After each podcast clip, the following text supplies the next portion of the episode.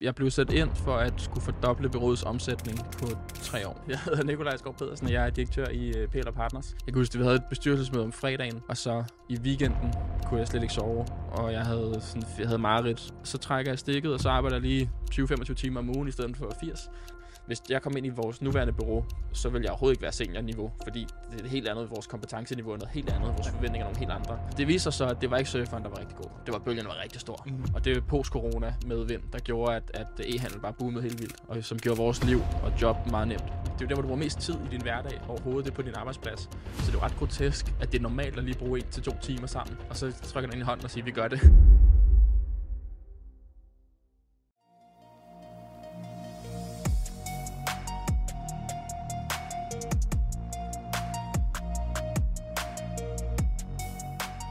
Nikolaj Skov Pedersen, Dag. direktør i PL Partners. Velkommen til vores podcaststudie. Tak. Hele vejen fra København, og vi Ja. sidder i uh, Aarhus på restaurant Den 10. Og um, skal have os en god snak omkring hele din rejse og omkring, hvordan du er, hvordan det er at være direktør i, uh, i PL Partners. Ja. Så um, det bliver fedt. Ja, det gør det. Jeg tror, at de, uh, de fleste mennesker, der lytter til det her, de har måske en idé om, hvad PL Partners er, siden det er et meget anerkendt bureau i Danmark. Men de mennesker, som måske ikke lige ved, hvem du er, kunne du ikke prøve at øh, sætte lidt ord på, på hvem Nikolaj han er? Jo, jamen altså, øh, du beskriver det jo fint. Jeg hedder Nikolaj Skov Pedersen, og jeg er direktør i øh, PL Partners.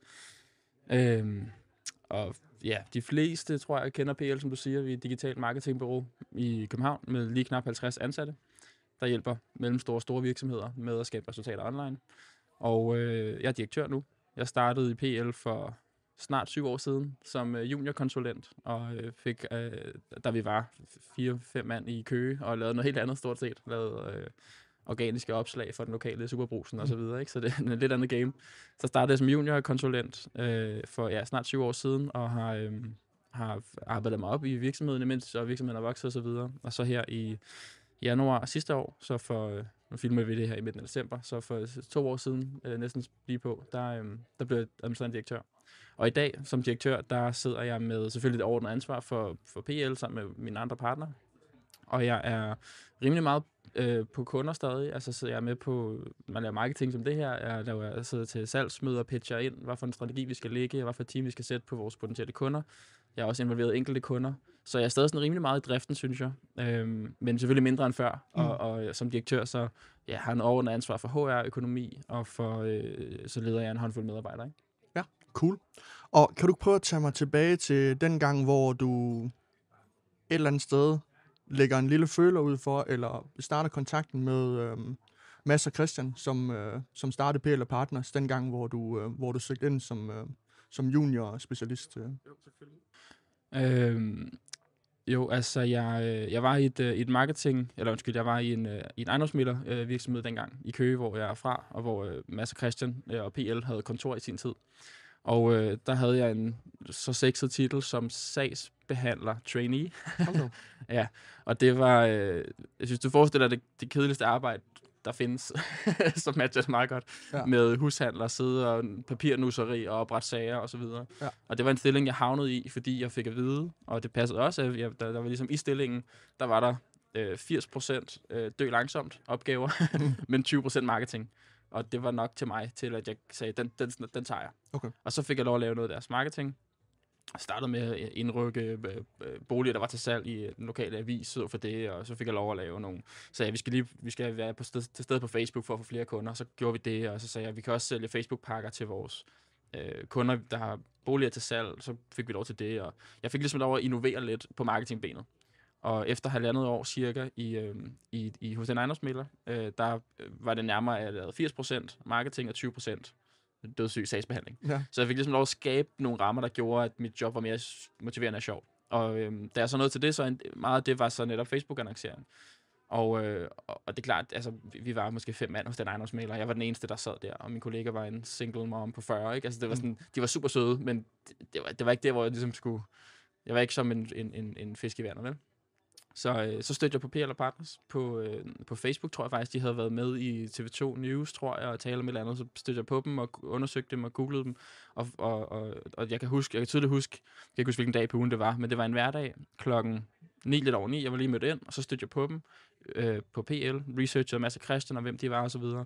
Og så øh, en time senere, så satte jeg mig og lavede mit CV, og opdaterede det, lavede en ansøgning. Og så i frokostpausen, øh, der sagde jeg til, til min chef, at øh, jeg, jeg spiser lige frokost øh, på en café i nærheden. Og så tog jeg over til Mads og Christian med min ansøgning og CV. Det var så Christian, der fik fat i, og så gav jeg det til ham og sagde, jeg vil rigtig gerne arbejde for jer. Og så sagde han tak, og tog imod det, og så var det det, ikke? Og så øh, et par uger senere, så ringede han, og så sagde han, så sagde han, af princip, så alle dem, der kommer ind fysisk, de får en samtale. Så han sagde ikke, du er spot on til det, vi søger. Han sagde heller ikke, du har en mega relevant erfaring. Han sagde, nu du overgår dukke op med, og du er så vel forberedt ud. Vi, vi tager en snak. Så jeg tænkte, fedt nok, så tog jeg en snak. Og, øh, og så sad Mads og Christian der, og øh, jeg havde slet ikke samme øh, erfaring som de andre, øh, der var ansat dengang. De havde lidt mere øh, noget digitalt konceptudvikler, uddannelse, eller lidt mere erfaring med sådan marketing ja. i det hele taget. Det var sådan ret begrænset, hvad jeg havde. Øh, men de gik med til at lave en juniorstilling til mig i den gang, øh, som var med sådan lidt lave forventninger, men fordi de synes, jeg havde noget gejst og noget appetit, og jeg, de troede på, at jeg kunne, jeg kunne blive til noget. Så, så de oprettede den her juniorstilling til mig. Og det var faktisk sådan, det hele startede. Og så øh, ret hurtigt, da jeg kom ind som junior, så øh, blev jeg bare bidt af det. Øh, så, så jeg arbejdede der rigtig mange timer i det, og gjorde meget mere, end hvad jeg var ansat til i virkeligheden. Ik- ikke fordi jeg ville prøve at imponere nogen, men fordi jeg ikke kunne lade være. Og det er jo sit den der iværksætter-edge, mm. som, som gør, at man, man bare dedikerer sig til noget. Og det, det gjorde jeg her. Og, øh, og så var jeg selv ret hurtig til, at jeg er også en ret målrettet type, når først jeg ligesom får færden af, at der er noget, jeg kan opnå, noget, jeg gerne vil opnå. Så jeg var ret tidligt til at, faktisk til min tre måneders samtale, så sagde jeg til, til Mads, at jeg havde det var mit mål at, at være den dygtigste ansat, de havde, og så var det mit, det var mit ene mål, og mit andet mål, det var at blive, øh, blive leder for alle de andre specialister. Og på det tidspunkt, der var den dårligste væk, man kan sige, men jeg var den mindst erfarne, og jeg, ja. havde, jeg havde mindst at have det i. Men det var ret tidligt i at sige, at det her det er min mål, og jeg er, ikke, jeg er der ikke endnu, men det er min mål. Og så, så har jeg bare givet den gas, og, og så har jeg fået plads. Så når jeg sagde, det der vil jeg gerne, og hvad kræver det at komme derhen, jamen så har jeg fået lov at gribe nogle opgaver, og få nogle øh, komplekse kunder, jeg kunne udvikle mig med osv. Ja. Så det har sådan været en mellemlang historie af, hvordan det ligesom kom ind, og hvad mm. der så skete. Det er cool. Og hvad, hvad var sådan dine tanker ved at komme ind i... På det tidspunkt var det jo stadigvæk relativt nyopstartet. Og der er jo en eller anden form for risiko forbundet ved at øh, være en del af et startup. Mm. Der er ikke særlig mange startup, der lykkes med at, at blive rigtig, rigtig store. Hvad var sådan dine overvejelser omkring det, og var det overhovedet i overvejelserne? Mm. Øh, det var det, og det var det især, da jeg talte med min familie om det. Altså, ah, Facebook-marketing, hvad fanden er det, ikke? Og kan man leve af det? Og, sådan en lille, lille virksomhed der, og, og, og iværksætterne, der havde startet det, de var, hvor gammel var de på det tidspunkt? Måske 22 år eller sådan noget. Så, så, så det var ikke sådan, at, at, at det var en no-brainer, men jeg var øh, på et tidspunkt øh, i mit liv, hvor jeg vidste, at øh, jeg er sådan typen, når først jeg, jeg virkelig vil noget, så dedikerer jeg mig ret meget til det og, og før det var marketing, så var det, så var det Counter-Strike. Uh, ja. Så det, det, det mig meget til, og, og ligesom, at det, var det, det var det eneste, jeg tænkte på 24 timer i døgnet, og så blev det så til marketing. Så jeg synes egentlig, jeg var sådan ret drevet af min passion, og det der med, at, at, at jeg, jeg så ikke rigtig sådan risikoen i det. Øh, jeg, har heller ikke, jeg har heller ikke så meget uddannelse, fordi jeg ikke, øh, jeg har ikke den der sådan, jeg, jeg, det er ikke, fordi jeg skal have noget at falde tilbage på. Altså jeg er sådan rimelig drevet af, hvad, der, hvad jeg synes, der er motiverende, og så er jeg nu målrettet nok til, at jeg ligesom går all in på det. Ja. Så der var ikke de store bekymringer for mig selv. Jeg var sådan rimelig stedet at sige, det der, det, det tror jeg på, og det, det, det, jeg kan ikke lade være. Det er min passion, trækker mig den vej, og så prøver jeg lytte til det. Cool. Også fordi vi lever trods alt i, i et land, hvor det er, at selvom man ikke har noget at falde tilbage på, så er der altid noget at falde tilbage på. Ja, det kan ikke gå helt galt. Nej, det kan det ikke. Øhm, noget af det, jeg synes, der er ret interessant, det er den kultur, der har været. Nu kan vi se, der kommer Ej, noget. Ej, lækkert. Spis. Tak. Fornemt. Nej, men det jeg godt kunne tænke mig at prøve at høre lidt om, det er i forhold til den kultur, du så kommer ind til, ja. som jo et eller andet sted er det, der sådan får dig suget ind på en eller anden måde. Det er jo det lille team, som I er, det er måske de arbejdsopgaver, du sidder med. Kan du ikke prøve at beskrive lidt omkring den kultur, der var i de tidlige år jo. Ved, ved PL, hvor I ikke var lige så mange? Jo, jamen det var jo en, en, en rigtig iværksætterkultur, ikke? Det var øhm, øh, 5-6 øh, gutter i, fra starten til slutningen af 20'erne, som, øh, som var der, fordi man var passioneret for det, man lavede. Altså, der er jo rigtig mange øh, store virksomheder, hvor at folk er der for at få deres løn og møde klokken 9 og gå klokken 16, og det er helt fair, det skal der være plads til, men, men jeg tror, at mange små virksomheder øh, får et boost af, at, at sådan, folk er der i lidt højere grad af passion, og lidt højere grad, fordi man er motiveret af det, og man har en større impact, man er en del af, af, af en, sådan en lille klan, et lille fællesskab, ikke? Så det var rigtig meget det, jeg kunne mærke, at folk, var, folk mente, det skulle. Folk gjorde sig umage. Folk øh, ville det allerbedste for vores kunder og for at dygtiggøre sig og for vores bureau, øh, vores, vores lille virksomhed. Øh, og så var folk bare cool og venlige og imødekommende, og, men det, det, der sker jo noget, når man møder nogen, der er sådan lidt like-minded, nogen, der også tog risikoen og starte i en startup, og nogen, der også har interesse for marketing, men så finder man ud af, at man har andre ting til fælles, og det bliver sådan lidt mere et fællesskab og en identitet i høj grad, frem for bare et job. Ja. Og det, det har jeg stadig, det ved jeg også, at det antager, at du har, men når man er en del af noget, som man virkelig går op i, så, så er det sådan, det, det er mig fra PL eller det er mig for Content og Libitum, ikke? Man ja. går virkelig op i det, og det betyder meget mere at lykkes og gøre det godt og gøre tingene ordentligt, Ja. end, end bare for at have en flot forretning eller noget. Ikke? Så, Ja. så den der energi, den var meget, meget tydelig. Og den tror jeg stadig, de fleste kan mærke, når man ad døren på PL's kontor, at det summer lidt, og der er folk ved det skulle gerne. Nu er vi lidt større, men og, og generelt, noget større man er, jo sværere er det at bibeholde det. Men jeg synes, vi stadig har den der energi af, at folk er der, fordi at det, man er passioneret, og man vil det bedste. Ikke? Ja, fordi nu er I 50, var det det, du sagde? Ja, lige 50? knap, ja. ja. Og øh, helt sikkert, altså en helt anden organisation i forhold til mennesker og strukturer og hvad I vil, og de kunder, I sidder med og så videre. Er der nogle ting, som altså, du kan ikke genkende til fra starten til der, hvor I er nu? Altså, er det de sådan ting, der, som du nævner der, er de stadigvæk til stede, eller begynder man undervejs at sige, okay, vi bliver nødt til på en eller anden måde at få, få sat nogle nye værdier ind i virksomheden, for at vi ligesom kan, kan nå hen til det næste niveau, Mm. i forhold til, hvad jeres mål er? Ja, øh, rigtig godt spørgsmål, og det er, det er den blanding. Så der er nogle øh, værdier, som jeg vil mene i høj grad er de samme, hvor at, øh, og, og det er sådan noget med, øh, da jeg kom ind, så var der jo ikke nogen lønmodel, der var ikke nogen sådan karrierestige, jeg skulle, man kom ind og gjorde, det, gjorde sit bedste, og så blev det bemærket, ikke? og der har Madsen, øh, Madsen, der har Mads og Christian været gode til at anerkende dem, der gav den gas og proaktivt rækte ud med lønstigninger eller forfremmelser, eller hvad det kunne være den forretning, vi har nu, bunder stadig i, at det er kompetencer og resultater, vi vægter. Øh, så om du har et års erfaring eller fem års erfaring, betyder ikke så meget for din løn. Altså det hele handler om, hvordan passer du ind i vores modeller, og hvilke kompetencer har du. Mm. Øh, hvilke resultater har du skabt.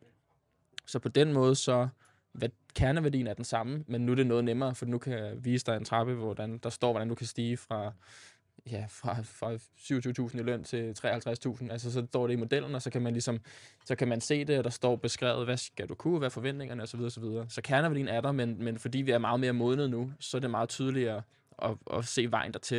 Det betyder så også, at, at forventningerne er noget højere. Altså, jeg blev senior i PL efter et år eller halvandet år. Jeg havde været ansat, og så gik jeg fra junior øh, til specialist på et halvt år, fra specialist til senior på et halvt år, sådan i grov træk. Og den, hvis, øh, hvis du tog mig efter, da jeg lige var blevet senior, så havde jeg et års erfaring i PL.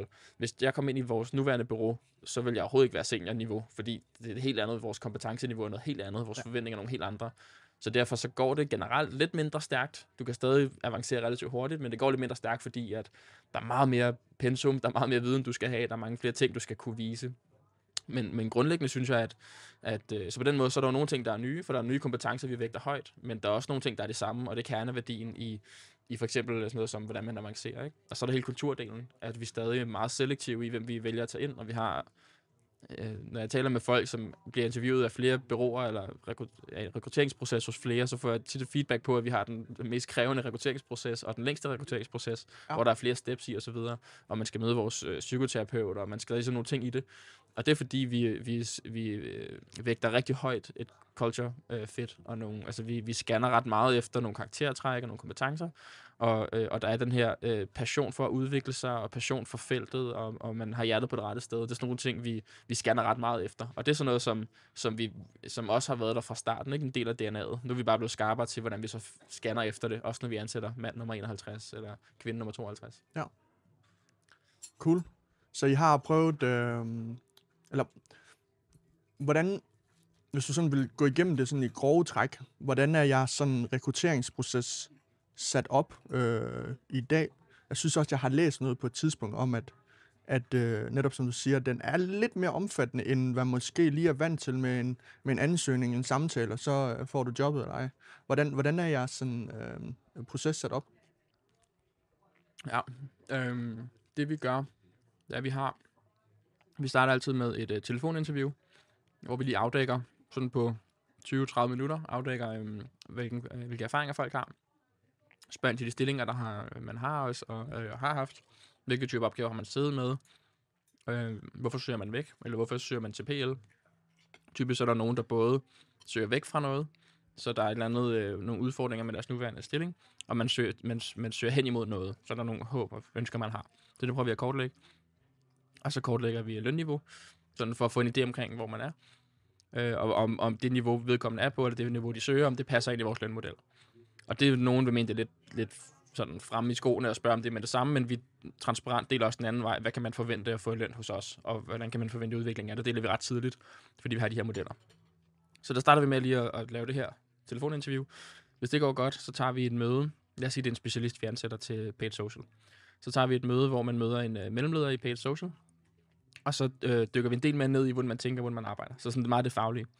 Øh, og det er jo en ting af, du ved, hvad for nogle resultater man har skabt, og hvad man godt kan lide at sidde med, og hvad man laver, men også sådan virkelig grave ned i, hvorfor gør man, som man gør, og hvad er ens erfaringer, og hvor, hvordan øh, tænker man i hvilke situationer, og alt sådan nogle ting.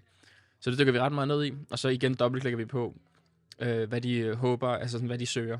Hvorfor søger du væk fra dit nuværende? Hvorfor søger du til PL? Hvad er det, som du, du drømmer om? Og hvad er vigtigt for dig i forhold til kultur? Hvad, øh, virksomhedskultur? Hvad går du op i der? Og sådan nogle, alle sådan nogle ting det dykker vi ned i. Hvis det går godt, så, er det en, øh, så har vi en længere interview øh, derefter, hvor vi øh, dykker ned i folks personlighedsprofil. Du kender godt til T32, ikke? Ja. ja. Det er sådan et talenttest, og der findes nogle forskellige. Der er First Mind, findes der T32 og en masse andre, hvor man får indsigt i folk, sådan personlighedstræk, øh, hvad man får energi af, hvad der dræner ind. Så vi beder folk tage sådan en test, og så forbereder vi en case til dem. Så kommer de ind i to og en halv time, og så bruger de cirka en time til halvanden på at løse en faglig case. Øh, så vi ser dem arbejde hands-on. En ting er, hvad man kan snakke sig til, men noget andet er at vise, sådan, hvordan arbejder du hands-on, og hvor effektivt er du. Der er nogen, som i et bureau er det ret væsentligt, at man kan arbejde rimelig effektivt. Så der er nogen, der bruger to timer på at lave det, og nogen kan lave på tre kvarter. Så det ser, får vi så et, et fingerpeg på, hvor, hvor langt kan man nå på en times tid. Og så gennemgår vi den case, og der skal de også formidle indsigterne til os. Så det vil sige, der ser vi også, kan man navigere i, hvis nu hvis man nu finder øh, 10 ting i en annoncekonto, der kunne gøres bedre, er du så god til at navigere i, hvilke to ting er high impact, fordi du har noget erfaring, der fortæller dig det, og nogle tre ting er hygiejne, men ikke så vigtigt, du ved. Kan man navigere i det? Kan man formidle indsigterne på en måde, som er troværdig og til at forstå? Så det tester vi også, både skriftligt og mundtligt. Så det er ligesom casen, hvor vi dykker meget ned i det faglige.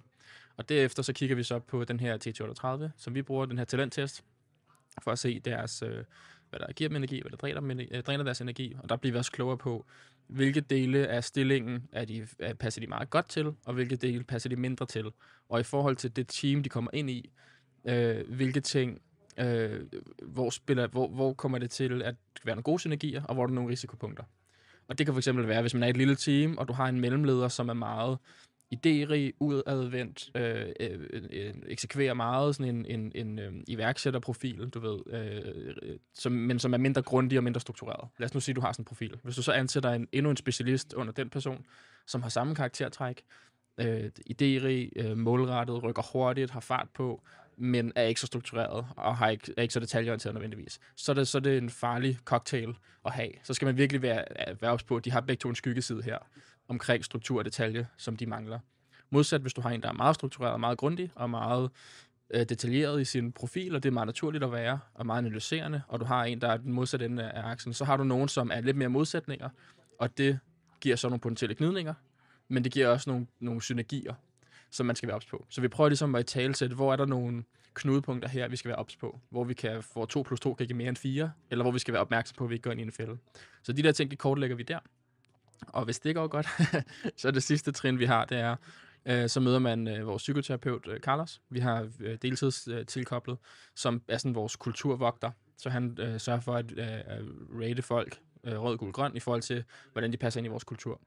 Øh, og, og det gør han på forskellige måder. Det kan vi også gå ned, hvis du er interesseret i det. Men, men det, den snak tager han med vedkommende. Så skal vedkommende også møde en partner i PL, som også kan øh, tale ind i, øh, i kulturdelen. Og til sidst, så skal de møde en, øh, en medarbejder, der ikke har noget med ledelsen at gøre.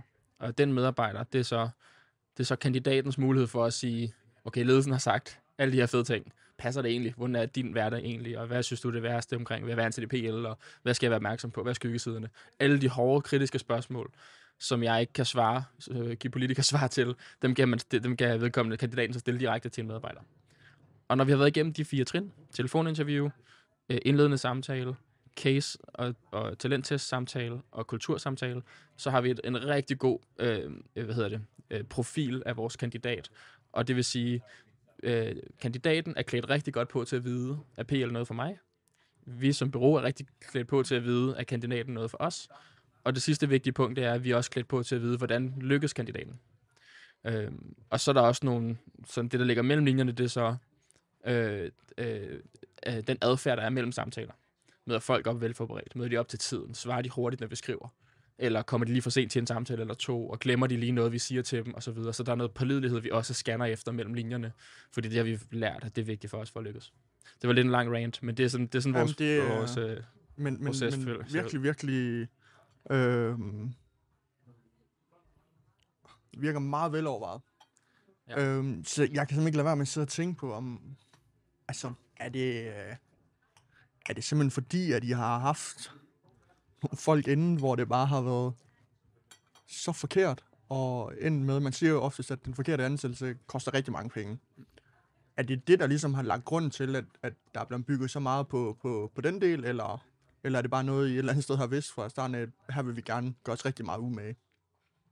øhm, det er helt sikkert trial and error. Mm. Øhm, og vi har været, vi har prøvet en masse ting af. Generelt som virksomhed, så er vi, øh, vi øh, hvis jeg skal sige en af vores største styrker, der gør, at vi sådan, rim, vi har et godt navn, og vi laver nogle gode øh, ting for vores kunder osv. Vi har en, et godt bureau, sådan en forretning.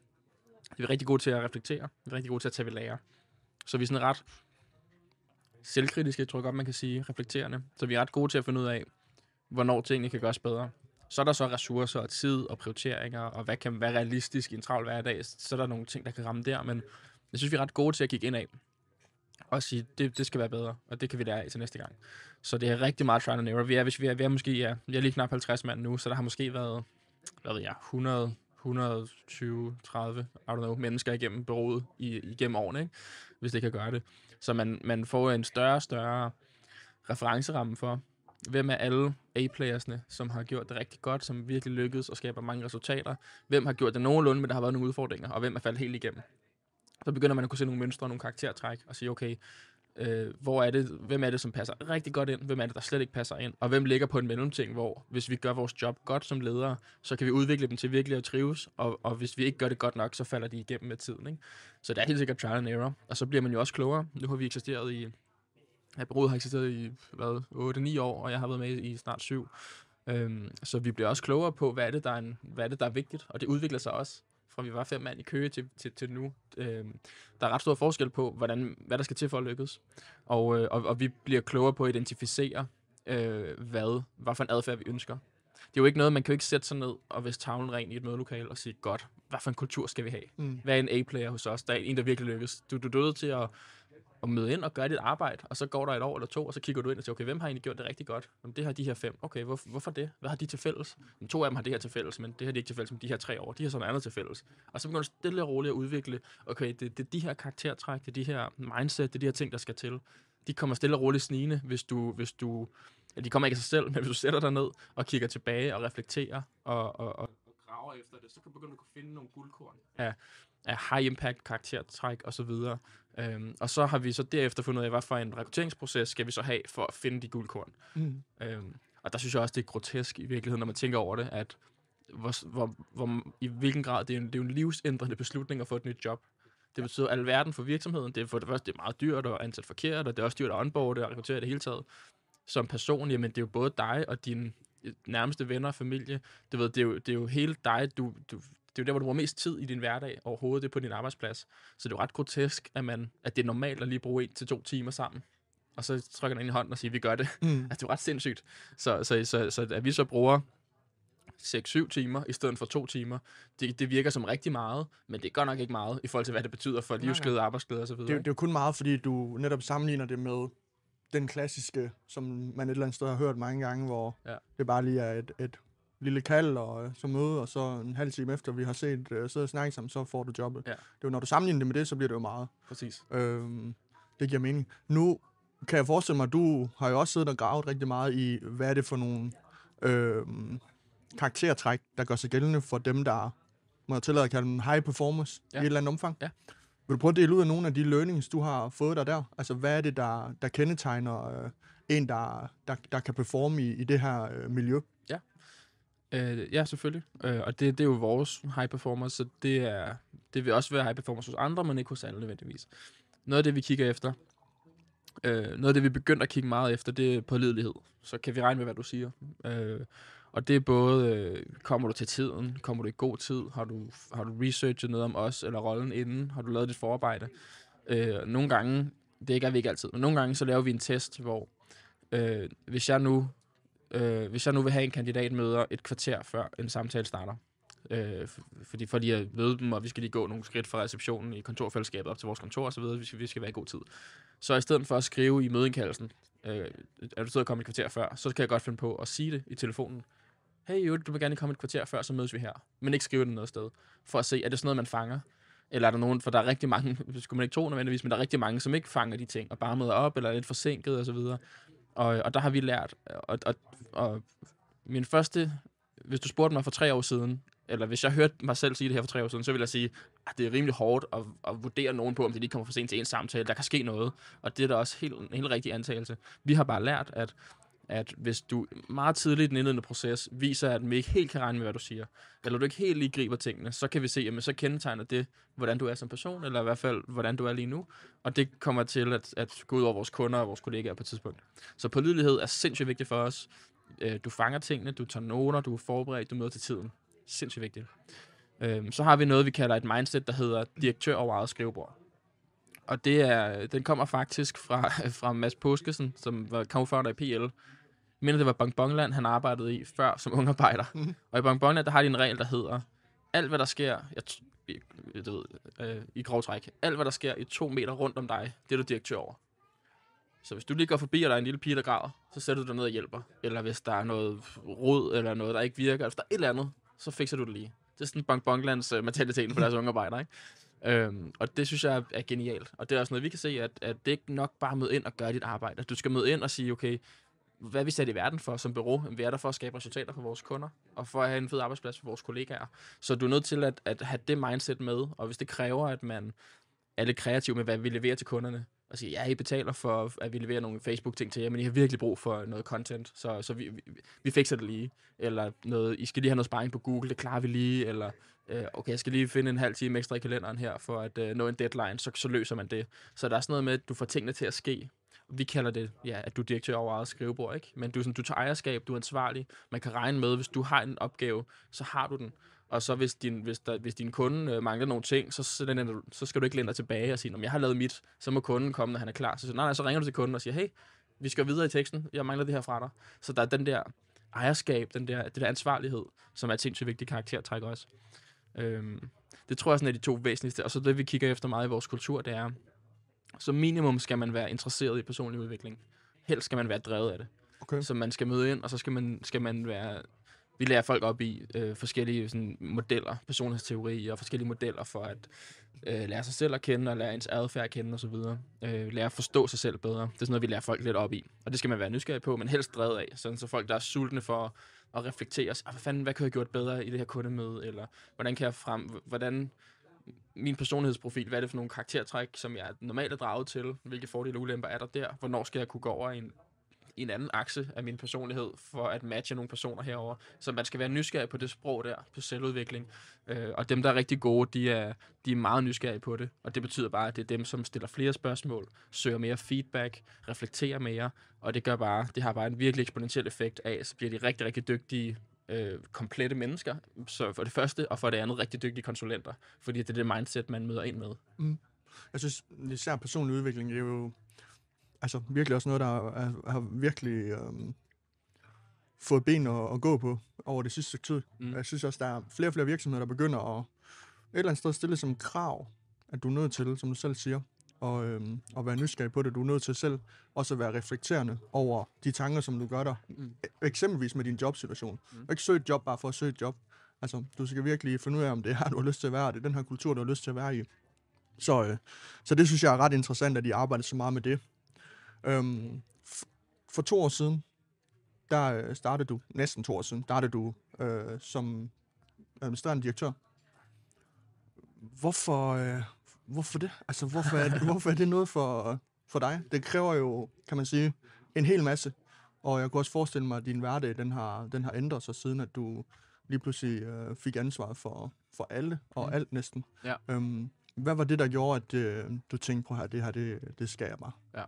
Jamen, øh, godt spørgsmål. Jeg, øh, jeg tror, der er rigtig mange mennesker. Jeg tror også, der er rigtig, rigtig mange øh, unge mænd, som, øh, som er iværksættere, som, eller har iværksætterprofil. Jeg har ikke selv startet noget op for bunden, men jeg har købt mig ind efterfølgende. Men der, der er sådan en iværksætterprofil, som, som har et sådan et, et, et sådan... Øh, et drive, som kan være rigtig usundt, øh, og som kan være rigtig stærkt, hvis det bruges rigtigt. Men der hedder, jeg skal opnå mere, jeg skal avancere, jeg skal rykke mig, jeg skal frem. Øhm, og det har jeg haft øh, fra start i min karriere, så, så ret tidligt, så, som jeg sagde til på tre måneders samtalen, da jeg lige var startet i PL, sagde jeg til Mads, øh, jeg skal være, jeg kiggede igen, jeg kiggede bare op. Okay, lige nu er jeg ikke den bedste, øh, I har. Jeg skal, så et er, jeg skal være den bedste, I har. Og der var ikke noget større øh, refleksion over det. Det var bare, om jeg, jeg skal bare frem i verden her. Så jeg skal være den bedste, jeg har, og så skal jeg være leder, for det må være det næste skridt. Men jeg, jeg stoppede aldrig op og spurgte mig selv, hvorfor vil jeg være leder? Altså, der er jo det, der er jo stort ansvar, og der er nogle rigtig træls opgaver, der følger med, og der er også nogle gode ting selvfølgelig. Så jeg var, jeg var meget drevet af sådan et hovedløs ambition, øh, basically, sådan i starten af min tid i PL. Øhm, ikke fordi jeg havde spidset albuer eller noget, jeg synes, jeg var god for mine kollegaer, og, øh, og, og jeg hjalp alt det med at kunne og sådan noget, men, men det, var ikke, ref- det var ikke rigtig reflekteret over, hvad er det for et liv, jeg vil have, hvad er det for en forskel, jeg vil gøre, hvad er det, du ved, hvad, hvad, er det, jeg kan opnå her? Det var, det var bare hovedløs ambition, og det tror jeg, der er rigtig, rigtig mange, der har. Især unge mænd, også, selvfølgelig også kvinder, selvfølgelig også ældre mænd, selvfølgelig også alle mulige andre, men, men jeg tror især unge mænd, som, som kommer ind i nye virksomheder, øh, tror jeg tænker sådan. Og øh, det var ikke tilfældet, da jeg så blev direktør. Og det, der så ændrede sig i perioden, det var, for det første helt lavpraktisk, inden jeg blev direktør, der var, hed min stilling CPO, så Chief Product Officer, eller sådan produktdirektør. Så jeg var ansvarlig for, øh, hvordan vi arbejder ud mod vores kunder, vores skabeloner, strukturer, systemer, og også vores, hvordan vi leder alle vores, øh, alle vores medarbejdere, der bærer en omsætning, og facer vores kunder, alle vores specialister og vores rådgivere. Øh, så, så, og det er jo klart, det er, vores, det er det største ben af vores forretning, det er en konsulentforretning, så vi har rigtig mange konsulenter. Så øh, jeg havde helt lavpraktisk været med til at ansætte nærmest alle vores øh, specialister. Jeg havde ansat alle vores mellemledere. Jeg var leder for alle vores mellemledere. Så jeg havde et rigtig godt take på alle vores folk. Jeg var også med til, hvordan skal vi sælge vores produkt. Øh, udad til, hvilke priser skal vi tage. Jeg var også med til, hvordan skal vi så lede vores folk, og så videre. Så, så der var rigtig mange dele af PL, hvor jeg var meget involveret. Så det sidste, der manglede ved at tage direktørhatten hatten på, det er selvfølgelig et endnu mere overordnet ansvar. Det er selvfølgelig især noget omkring økonomi og noget omkring HR især. Men fordi jeg var så fedtet ind i så mange ting i forvejen, så synes jeg, det var naturligt, at der ikke var så langt til at tage det næste skridt. Øh, det var den ene ting, og den anden ting var så, at, at øh, Mads og Christian, der startede PL, det er øh, rigtige iværksætterprofiler. Og sådan nogle, nu siger jeg også sådan, øh, startup-profiler, meget ligesom dig. Fart på, Deri er gode til at tage noget fra 0 til at komme i gang, men det er ikke dem, der skal tage det fra 80 til 100. Det er heller ikke dem, som skal sidde og tweake, optimere og forbedre. Det er de store linjer, det er nye ting, der skal bankes noget op. Det er de profiler, de er. Og PL er noget en størrelse, hvor at deres kompetencer kunne slet ikke komme til sin ret.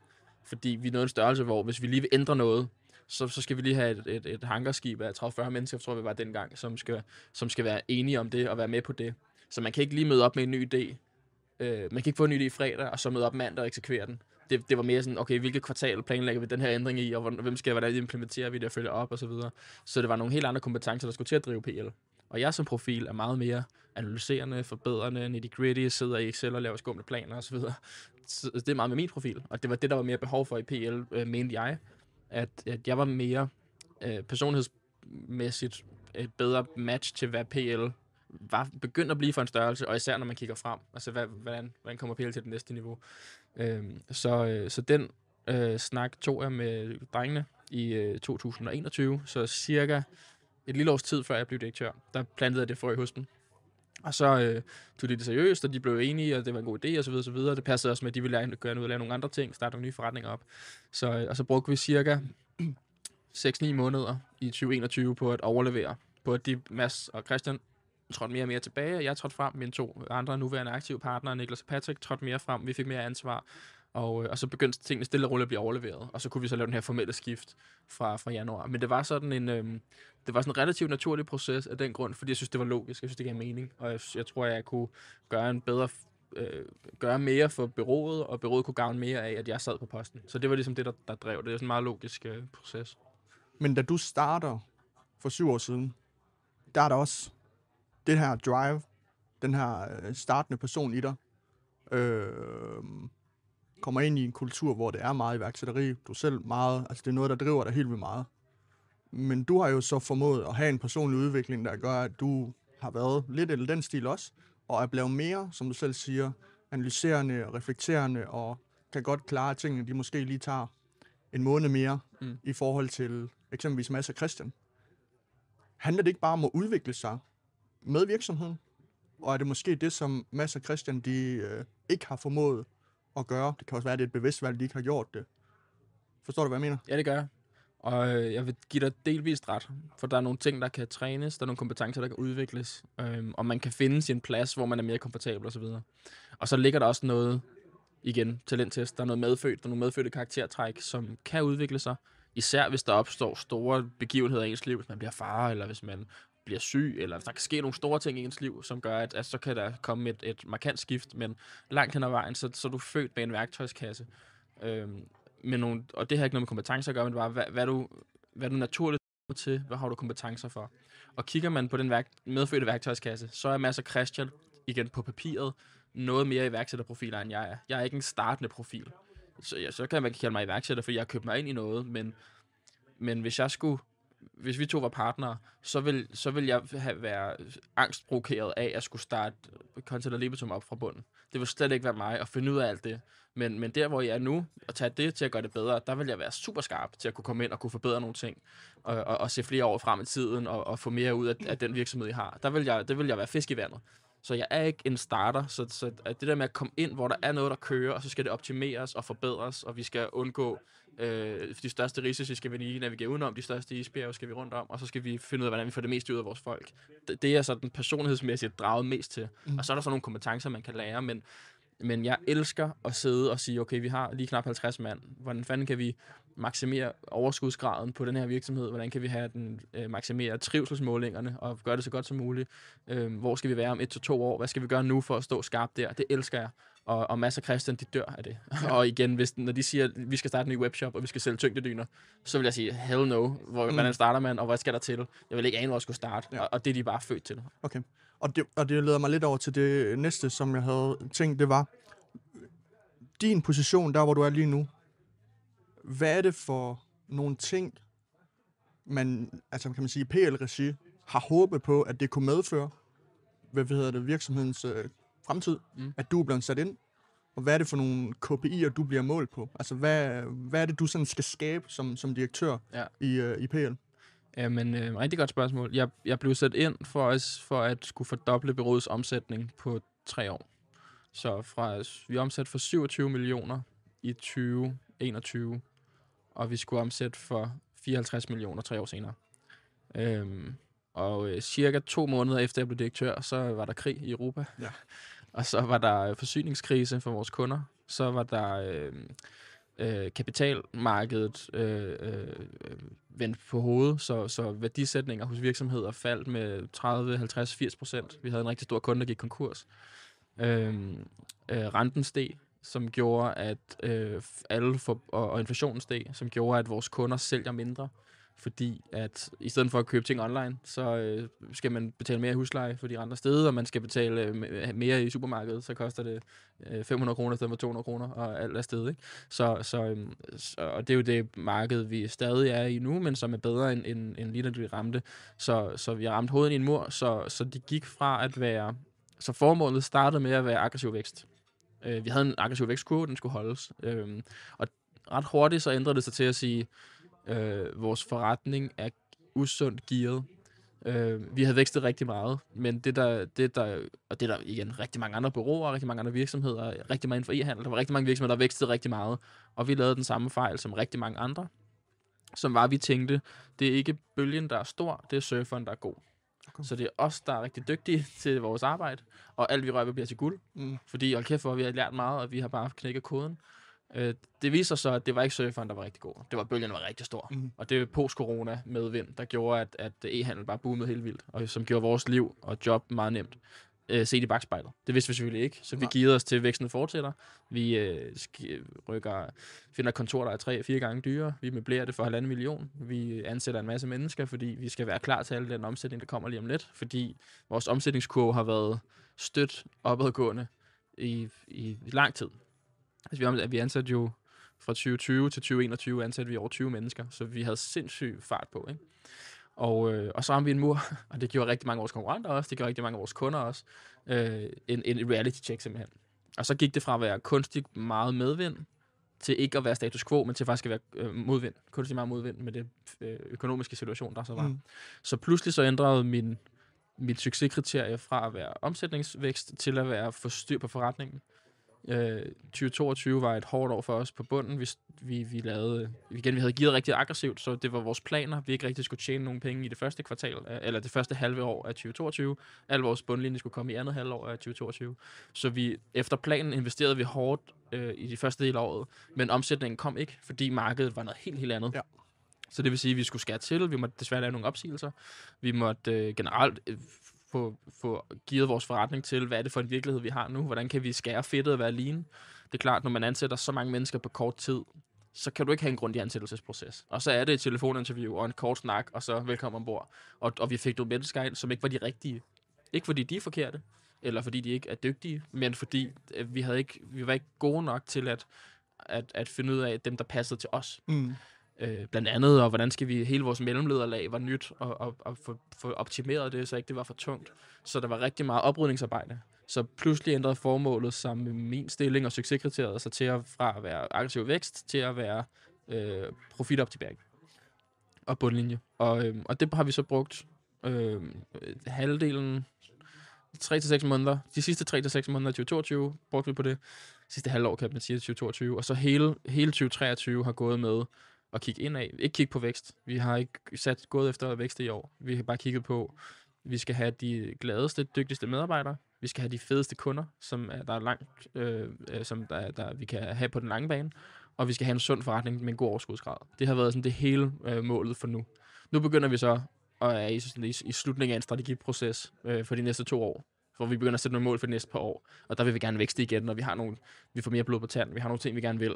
Men vi har, vi har fået et stort reality check, og, og succeskriteriet for mig er nu i langt højere grad øh, profit og bundlinje, øh, og stabilitet og sunde, glade medarbejdere osv. osv. Gode, gode kundesamarbejder. Det er i langt højere grad det, der fylder en omsætningsvækst. Hvor i starten var det ren omsætningsvækst. Hvordan var den øhm, periode for dig, hvor det er, at du bliver hyret ind, kan man sige, øhm, til at skulle vækst forretningen, Mm. og inden for relativt kort tid, kan man sige, du når næsten engang at få dine idéer ført ud, så skal du lige pludselig vende skibet ja, 180 grader, Ja. og så en helt anden vej. Ja. Hvordan, var, øh, hvordan var den periode for dig? forfærdelig. For at sige det mildt. Det var fandme ikke sjovt. Øh, fordi hvis jeg bare vidste, nu trækker du de her håndtag, så skal det nok blive godt igen. Det er overhovedet ikke sjovt, men du ved, hvis jeg vidste, det er jo, aldrig, det er jo altid ubehageligt at stå med en forretning, som ikke tjener penge. Du har en masse løn, der skal betales, selvfølgelig. Øh, du, det begynder godt for dig, der, du har for mange ansatte, men skal man skære, det skal du nok, men hvem, og hvor mange, og hvorfor, og virker det overhovedet? Øh, skal man skære to, eller tre, eller fire, eller fem, eller seks? Øh, alle de der ting. Så der var både et enormt arbejdspres, øh, fordi jeg, kan jo, altså jeg skal jo netop lave mere salg, mere markedsføring i de tider, og samtidig lave mere ledelse, mere kommunikation for at holde for at være transparent. Vi har nogle, ret, nogle værdier om at være meget transparente, så vi fortæller meget ærligt, hvordan det går. Så vi, vi er ikke fordi, vi holder noget skjult for medarbejderne, når ikke det går godt. Så at skulle kommunikere det, skulle lede mine medarbejdere, skulle motivere dem i rigtig hårde tider, og så skulle træffe nogle rigtig svære beslutninger. Det var enormt tidskrævende og meget mentalt krævende. Og, øhm, og jeg var, altså, jeg var meget tæt på at gå ned med stress. Jeg fik heldigvis øh, lavet en uvending til allersidst, hvor jeg lige måtte slippe rettet på nogle ting, og lige tage et par uger off, og lige sådan reset lidt mentalt. Men det var, det var sindssygt krævende øh, at skulle lede, lede PL Partners, i, øh, både for mig og mine to partnere, øh, eller fire partnere, men mine to aktive partnere, Niklas og, og Patrick. Det var sindssygt krævende øh, hen over sommeren og sådan nogle ting. Øh, men, vi, men vi lykkedes. Altså, vi, øh, vi holdt til vores værdier. Vi må tage nogle rigtig svære beslutninger og sige farvel til nogle mennesker. Og, og samtidig med, at der var nogen, vi måtte afskede i, så gav vi forfremmelse til andre, fordi vi var nødt til at Mm. anerkende dem, der virkelig gjorde det godt, øh, og dem, der virkelig holdt os oven vande, og bare en masse omsætning, eller bidrog med en masse salg. Øh, så det var sindssygt svært at navigere i, øh, og, fordi vi samtidig har vores værdier om at informere folk og være meget transparente osv. Så, videre. så heldigvis har vi fået noget rigtig god lederuddannelse af en fyr, der hedder David Sandberg, som har lært os rigtig meget om ledelse, og, og har lært os, at vi skulle gå fra det, der hedder peacetime, til det, der hedder wartime. Og i peacetime, du ved, det går godt, sund forretning, vi arbejder på en lange bane, øh, alt kører. Wartime, øh, hurtigere beslutninger, øh, flere beslutninger, øh, mindre kommunikation, fordi det går stærkere. Øh, vi, vi gør mind, der gør man mindre for, at alle er mere ombord på, hvad vi gør. Vi siger, det er den her vej, så vi skal være mere, vi var mere topstyret. Vi har været meget sådan dialogbaseret, involveret vores medarbejdere sindssygt meget og så videre, sådan historisk. Øh, der var vi, blev vi mere topstyret, fordi vi skulle have styr på tingene. Så det var det, var det der med at navigere i det, det, det var et godt værktøj og en god, god sådan måde at se det på. Øhm, men jo, det var skid, altså det var pissehårdt. Når du øh, på et tidspunkt i der omkring, hvor det er, du siger, at du begynder at få nogle, nogle stresssymptomer, når du at føle, at det er dig som person, der er årsag til alt det her, det sker. Altså jeg ved godt, man kan altid sidde efterfølgende og reflektere over, okay, markedet var der ikke, der er ting, der er ude af mine hænder osv., men, men nu har jeg også bare selv prøvet mange gange, hvor man, det første man gør, det er ofte så kigge indad, Mm. og så ligesom sige, oh nej, er det nu fordi, at nu sidder jeg ved roret, det er mig, der ligesom skal tage den, den sidste beslutning et eller andet sted. Er det en følelse, du ender med at sidde med, eller er du meget sådan afklaret med, okay, der er nogle ting her, jeg ikke kan styre? Der er selvfølgelig elementer af det. Øh, også, øh, jeg synes, vi var gode. Vi har en ret stærk partnergruppe. Vi er, jo- vi er fem partnere. Tre af os er der til dagligt, og to er passive, men sidder i bestyrelsen øh, og, og var mere aktive dengang, øh, fordi det gik, som det gik. Så vi er ret gode til at spille bold. Og selvfølgelig luftede vi de tanker. Øh, og selvfølgelig, vi kunne også allerede tidligt se der, at hvis man... Nogle gange så spørger jeg mig selv, hvad vil jeg gøre i den her situation, hvis jeg, øh, hvis jeg havde 10 år mere erfaring? Altså, hvad vil en rigtig dygtig mand i min rolle gøre nu? Og der tror jeg, at der er nogle ting, vi vil have... Øh, der er nogle ting, vi vil have spottet tidligere og korrigeret anderledes osv., hvis, hvis jeg har den erfaring, jeg har i dag. Øh, så der var nogle ting... Så jo, øh, men tænker, jeg tænker selvfølgelig delvist, at øh, det er mig, der har ansvaret. Det er mig, der har det er mig, der skal fikse det.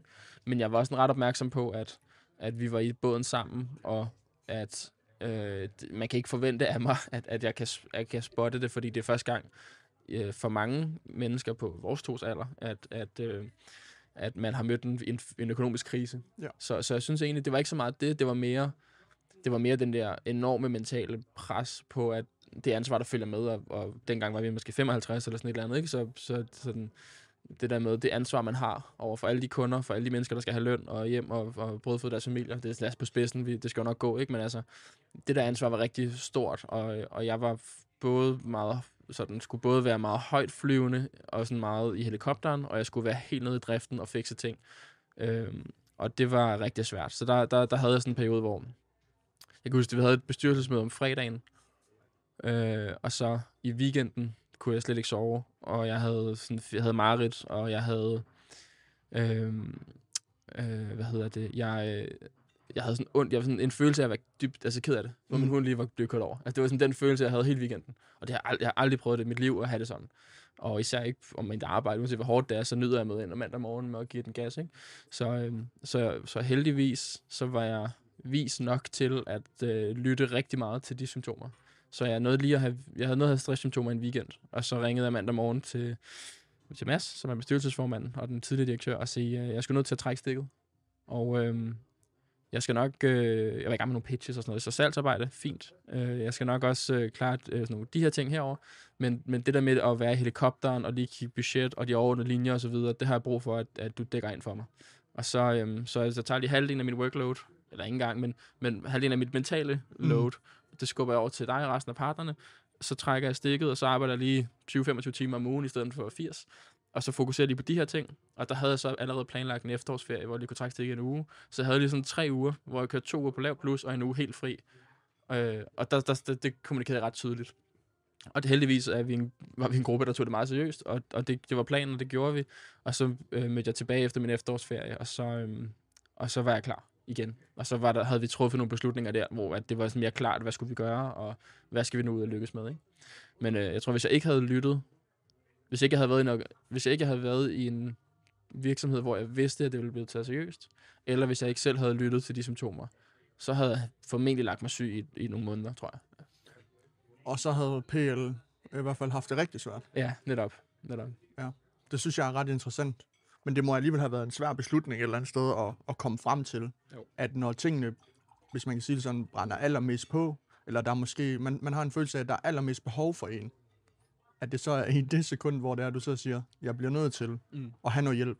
Ja. Altså det der med også at vise, tror jeg, jeg ved ikke om, hvor mange, øh, hvad hedder det, IPL, der ligesom har hørt den historie, men, men jeg tror det der med, at når ledelsen, og dem man sådan et eller andet sted ser op til, og dem der skal lede en, de også øh, tør vise, at de er også mennesker, de er også, for os er stresssymptomer, når Mm. tingene de går på, Mm. øh, og, og spørger os om hjælp. At det tror jeg bare er mega sådan motiverende for, mm. For, de, øh, for de medarbejdere. Jamen, jeg, jeg tror også ret meget på, på sådan den her transparens. Det der, det, der er svært i den periode, det er, øh, og faktisk, det er første gang, jeg deler den historie her, lige den her. Øh, det, det, der er svært, det er, der var sådan en sag, kan jeg huske, fordi rigtig mange tech-giganterne, Amazon, Google, øh, øh, Twitch og, og Facebook, Meta osv., øh, de måtte også lave ret mange nedskæringer.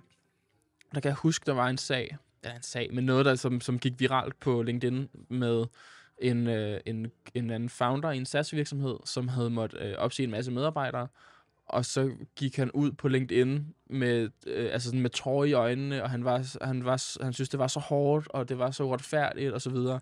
Og så var der rigtig meget modvind for ham, fordi at du har det ikke hårdt. Du har lige opsagt, jeg ved ikke, 100.000 eller 100 eller 1000 medarbejdere, eller hvor meget det var. Det er dem, der har det hårdt. Det er dem, der skal ud og finde tingene. Så du, altså, du ved, det er del af dit job. Så, så der var der er det der med, at det der meget fine balance i, øh, det, det er der hårdere for dem, der bliver opsagt, end det er for mig.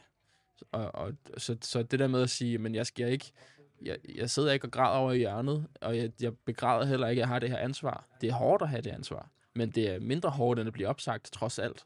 Så det var den der med, hvordan kan man være ærlig og sige, vi, vi rykker os alle sammen sammen i bussen, vi skal alle sammen give den ekstra gas, men ikke sige, hold kæft, det er hårdt at være direktør, øh, når, når der sidder nogen, som, som har endnu værre situationer. Ja. Ja. Så det, det, den balance øh, var rigtig svært der. Øh, men altså sådan, ud over det, så jo, så, så synes jeg, det der med generelt at være meget transparent med, hvordan det går, hvordan man har det, og hvad man har bokser med, øh, det er noget, som vi går op i, og det tror jeg også giver noget, noget motivation, at man føler, man kan mærke det, man arbejder med, selvom, og, man ikke, og det er ikke bare en anden maskine, som, som giver den gas. Ikke? Ja, helt enig. Helt enig. Jeg synes også, det er noget af det, som...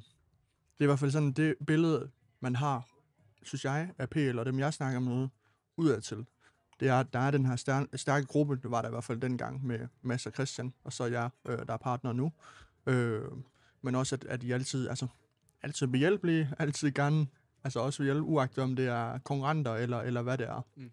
Øhm, det er vist heller ingen hemmelighed, at i løbet af de sidste par år, der er kommet indgangsbarrieren til at blive drevet marketingsbureau er altså virkelig lav. Ja. Hvordan ser du på hele den situation? Altså, er det noget, I har kunne mærke i PL, at der øh, lige pludselig er kommet rigtig, rigtig mange øh, konkurrerende virksomheder til? Måske i en mindre grad. Men er det noget, I har kunne mærke? Altså, øhm, både, både og, vil jeg sige. Vi, vi har blevet ved os op i et kundesegment, hvor, hvor at, øh, at det fylder mindre. Altså, de bliver mindre fristet af, at nogen, der lige arbejder gratis et måned, eller, eller garanterer nogle resultater, de kan godt se igennem det. Og, og vi har også øh, kommet op, hvor vi leverer flere og flere ting til vores kunder. Så du kan ikke bare være god til Facebook og så overtage vores samarbejde. Altså, skal, der, vi har, der er Google, der er Meta, annoncering, der er LinkedIn, der, eller undskyld, der er ja, måske LinkedIn, e-mail marketing, øh, content. Så, så, øhm, så på den måde er vi mindre sårbare over for det. Men jo, der er sindssygt mange, der er kommet ind.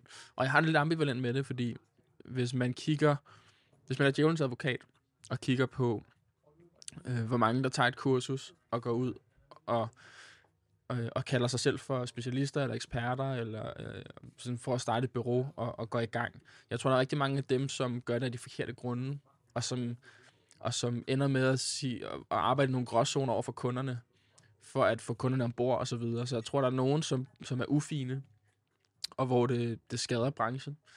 Øhm, med det sagt, så tror jeg også, der er rigtig mange, som får tændt en gnist, en iværksættergnist, og finder ud af, at de skal starte et bureau, eller de skal arbejde i et bureau om ikke andet, eller de skal bare være iværksætter og starte en anden type virksomhed. Øhm, der er også nogle af dem, jeg kigger på. Jeg netværker rigtig meget med bureaufolk. Både dem, som er 500 mand, dem, der er 50 mand, og dem, der er 3 mand. Og mit indtryk er, at mange af dem, som er gået fra at være selvstændig konsulent, har faktisk fået en ansat, to ansatte, måske en partner, så der er tre, fire, fem mand.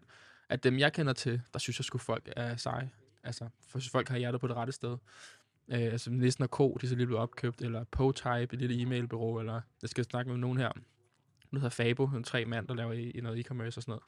Øh, så nogen, fordi jeg synes, det, det er inspirerende at se dem, der starter lige nu, dem, som er vores størrelse om syv år. Hvad, hvad, hvordan tænker de, og hvad gør de? Og der synes jeg, folk er, er sgu cool. Jeg prøver at hvad jeg kan for at hjælpe den, den vej. Jeg har noget mere erfaring, men, men jeg synes, folk har hjertet på det rette sted, og ved noget fedt for deres kunder, og vil noget fedt for deres medarbejdere. Så jeg tror også, der er mange, der bruger det til som en karrierebooster, og har hjertet på det rette sted, og, og ligesom hvor PL var for syv år siden. Så jeg synes, det, det er svært at sige, om det er godt eller dårligt. Øhm, jeg tror, det er begge dele. Jeg tror, øh, jeg tror et eller andet sted også, der er mange, der sådan... Det er jo lidt den her øh, drøm om at være iværksætter, som der er blevet solgt ind til dem. Mm. Uej, og det er jo, kan man sige, marketingsbranchen er jo bare... Det er jo bare en vej. Det kunne lige så godt have været alle mulige andre ting. Men, men, men det, der et eller andet sted er i det, det er jo, at, at jeg har sagt mange gange før, jeg synes, at iværksætteri det er en trend. Men det er også fordi, de ting, du forbinder med iværksætteri, dem tror du ikke på, du kan få i et job. Mm. Altså, øh, friheden og øh, hvad hedder det, at kunne arbejde, når du har lyst, og få en god hyre også alligevel. Øh, jeg tror bare, der er mange, der synes, det er svært at, at ligesom finde det i et job, Mm. hvor at, når du så har prøvet at være selvstændig, der er sindssygt mange, der ikke gider at være selvstændige, når, når alt kommer til alt. Ja. Øh, men dem, der vil, det er også dem, der lykkes stille og roligt, bliver flere og flere, øh, som du også selv nævner der. Og de andre er vel også et eller andet sted potentielle øh, medarbejdere Mm et eller andet sted? Altså, har I ikke øh, fået nogle ansøgninger fra nogen, der har siddet noget med annoncering eller marketing øh, på, på selvstændig basis, og nu gerne vil ind og, og gøre det lidt mere seriøst? Jo, jo, klart. Lige, lige præcis. Og vi har, jeg tror Kasper Knudsen er nok den øh, mest velkendte person, der har, der har fået rigtig mange øh, ud at blive iværksætter øh, med hans kursus øh, online mentorforløb, som så lige lukker ned nu. Men, men ham øh, har jeg en god relation med, og vi har et samarbejde også, hvor vi hvor vi har lavet et praktikantprogram. Øh, vi, vi, har, vi har sådan et ret skarpt praktikantprogram, og det er en del af vores rekrutteringsstrategi at få nogle, nogle folk ind i bunden af vores organisation med ild i øjnene, og så give dem nogle gode rammer for at lære rigtig meget. Øh, så det er sådan en fast del af vores strategi, og det er noget, vi bruger meget krudt på. Og det er som regel for skolerne og så videre, men der har vi også fået specifikt for online mentorforløb, de elever, der er med der, at de kan komme ind og komme i betragtning til at komme i praktik. Og, øh, og få lov at arbejde et par måneder gratis, og så se og, og få noget netværk, og få nogle helt andre kompetencer, og få blod på tanden. Og der har vi en, en rimelig god historik med at ansætte øh, de personer. Og så er der også nogen, der kommer ind og finder ud af, at det var ikke noget alligevel, og så videre. Ikke? Øh, så jo, det kan blive, øh, det kan blive øh, medarbejdere. Det er blevet medarbejdere i nogle tilfælde. Vi har nogle ansatte i dag, der kommer netop fra det der. Ikke? Øh, og så kan det også igen, så kan der også være nogen, der starter noget andet, og bliver kunde en dag, eller kommer ud på at lave marketing på Inhouse sådan nogen, og, og, og ringer til PL og så videre. Ja. Så, øh, så for os har det ikke, igen, der, der er ikke, i det luftlag, vi er i, der er det ikke dem, vi konkurrerer mod. Så på den måde har det ikke skadet negativt, og modsat, så kommer der bank ind i branchen, øh, som kan, kan bidrage på en eller anden måde. Så det er så bare det der med, den, den bureaubranchen i det hele taget. Hvordan ser den ud, hvis der er mange, som der er utroværdige? Mm. Øh, mange, der kalder sig for eksperter, men overhovedet ikke er det. Øh, og det kan man så opveje, ikke? Altså, det fylder selvfølgelig noget. Og nu, når vi og optager det her, det er jo slut december, det er jul lige om lidt. Ja.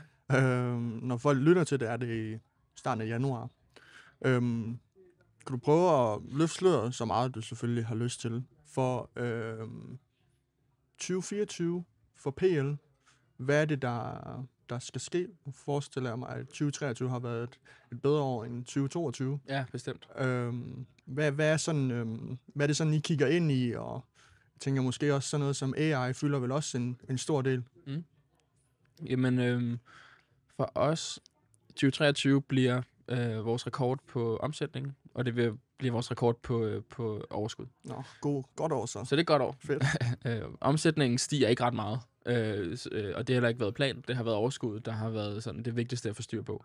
Så, øh, men stadig trods alt rekord på omsætning forventer vi. Det bliver lige omkring. Lidt, nogle af det samme som sidste år, men lidt, lidt, lidt bedre formentlig. Øh, vi skal vækste lidt på toppen i 2024, og øh, det skal vi gøre med nogle udvalgte kundesegmenter, som vi kommer til at satse mere på. Så i stedet for at kunne lave og være ret god til ret mange ting, så vil vi gerne være de absolut bedste i branchen til færre ting.